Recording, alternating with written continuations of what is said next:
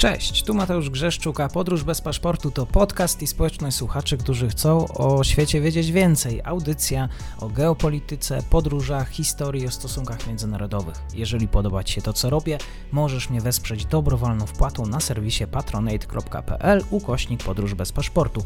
Serdecznie za to dziękuję, bo właśnie dzięki temu mam szansę rozwijać to miejsce. Obserwuj, polub i udostępniaj dalej. Zapinamy pasy, czas na kolejny odcinek podróży. Dzień dobry wszystkim słuchaczom. Dzisiaj moim gościem jest pani dr Paulina Polko, kierownik Katedry Bezpieczeństwa i Zarządzania Kryzysowego Akademii WSB. Dzień dobry pani doktor, dziękuję za przyjęcie zaproszenia. Dzień dobry, dziękuję za zaproszenie. Pani doktor, dzisiaj komentarz na gorąco. Rzeczywiście wtorek Rada Ministrów postanowiła wystąpić do prezydenta o wprowadzenie stanu wyjątkowego na 30 dni. Dotyczy to tego przygranicznego pasa dwóch województw podlaskiego i mojego, lubelskiego. Tak przynajmniej poinformował po posiedzeniu rządu premier Mateusz Morawiecki. Ja wiem, że to może być dosyć trudne pytanie, ale czy to jest decyzja potrzebna? Dobrze byłoby, gdyby, gdyby, gdyby tak było, gdybyśmy mieli taką pewność. No, z informacji, które mm, do nas docierają w tym momencie, mam tu na myśli całokształt tej sytuacji na naszej wschodniej granicy, bo to jest, jak rozumiem, jak to jest deklarowane po stronie rządowej, ten główny powód do wprowadzenia stanu nadzwyczajnego, jednego ze stanów nadzwyczajnych, stanu wyjątkowego. No trudno nam jest ocenić, nie mamy, nie mamy wszystkich danych. Niemniej byłby to pierwszy stan wyjątkowy, pierwszy stan nadzwyczajny od, od 40 lat, a wyjątkowy od, od jeszcze więcej, bo, bo w ostatnim stanem nadzwyczajnym był stan wojenny w roku 81. Dlatego ten, kto go wprowadzi, no będzie na pewno przejdzie do historii, będzie zapisany na kartach podręczników. No pytanie, czy ta historia e, tę decyzję oceni dobrze. Rzeczywiście sytuacja na granicy białoruskiej jest napięta. Jest to polsko-białoruskie, jest to, przypominam, też granica Schengen, co bardzo wyraźnie podkreślała w ostatnich wypowiedziach czy Wera Jurowa, czy, czy też inne sygnały, które płyną z instytucji europejskich, z instytucji Unii Europejskiej. Unia stoi tu raczej na stanowisku y, popierającym co do zasady działania polskiego rządu, a więc no jednak nie wpuszczania migrantów czy nie otwierania tej granicy pod dyktando polityki Aleksandra Łukaszenki, a pewnie i Władimira Putina jako, jako jej sprawcy. Oczywiście absolutnie rozdzielam e, tę sytuację bezpieczeństwa, tę sytuację polityczną i również prawną od sytuacji humanitarnej. Natomiast musimy mieć pełną świadomość, że ci ludzie są narzędziem, jakkolwiek brzydko i niestosownie to zabrzmi, takim samym jak karabin, samolot, czołg w wojnie, tej hybrydowej wojnie, która, która która ze strony wschodniej e, coraz częściej się objawia w naszym kierunku i w kierunku całej Unii Europejskiej. I musimy mieć świadomość, że scenariusz e, taki właśnie humanitarny, otwieramy granice, przyjmujemy ludzi, którzy no są, są nieszczęśliwi, bo są rozgrywani, są, e, są wykorzystani do tej, do tej potyczki, to byłby scenariusz, w którym byśmy szli dokładnie według, według schematu napisanego przez na, na wschodzie, mhm. a my tego uczynić nie możemy. Przypominam też, że za kilka dni, bodajże 6 września, września rozpoczyna się e, to coroczne mm, duże ćwiczenie Zapad, tak, czyli Zachód, a więc ćwiczenie mm, sił zbrojnych połączonych e, Białorusi i Federacji Rosyjskiej.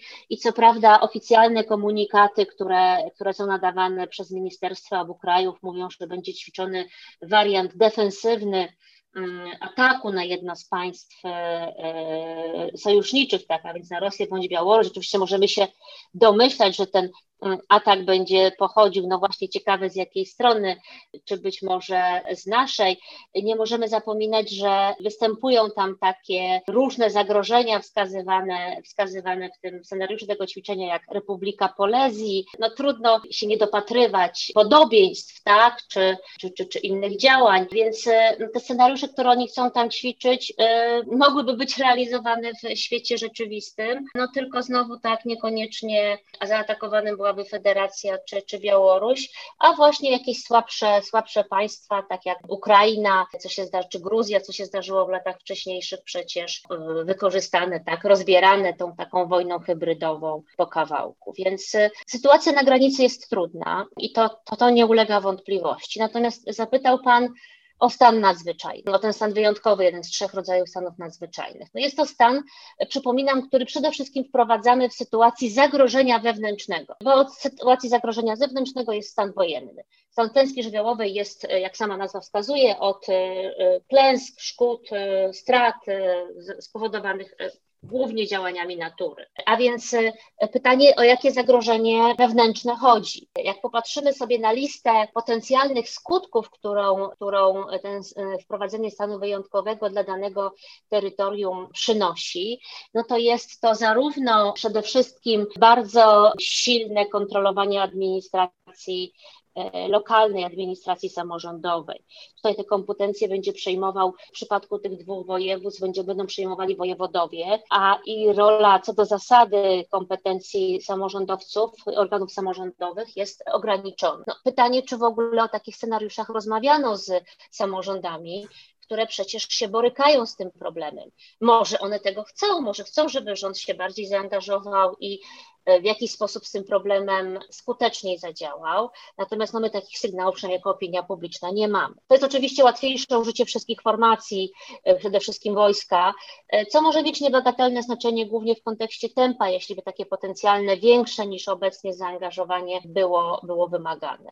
No mhm. i wreszcie Stan wyjątkowy to są jednak ograniczenia swobód y, obywatelskich i wolności, y, i wolności obywatelskich. Tutaj y, możemy się spodziewać wielu rzeczy, zarówno tych ograniczeń związanych z zgromadzeniami, z manifestacjami, strajkami, protestami, ale też na przykład nie można stworzyć nowej partii politycznej w tym czasie. Partie polityczne czy związki zawodowe tak naprawdę powinny okresowo zaniechać działania, więc oczywiście wszystko w kontekście tego, że jeśli by to, by to zagrażało bezpieczeństwu państwa.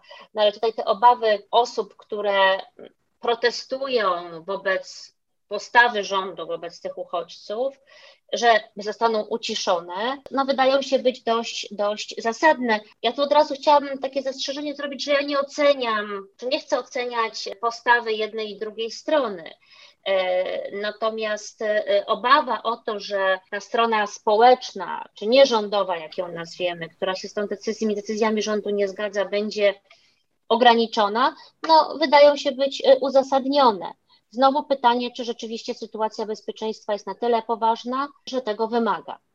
Mhm. Pani doktor, ja bardzo serdecznie dziękuję w takim razie na, za ten komentarz, komentarz na bieżąco. Będziemy patrzeć i pewnie jeszcze w stronę tej e, naszej polsko-białoruskiej granicy. Moim gościem była pani doktor Paulina Polko, kierownik Katedry Bezpieczeństwa i Zarządzania Kryzysowego Akademia WSB. Bardzo dziękuję. Dziękuję bardzo, do usłyszenia.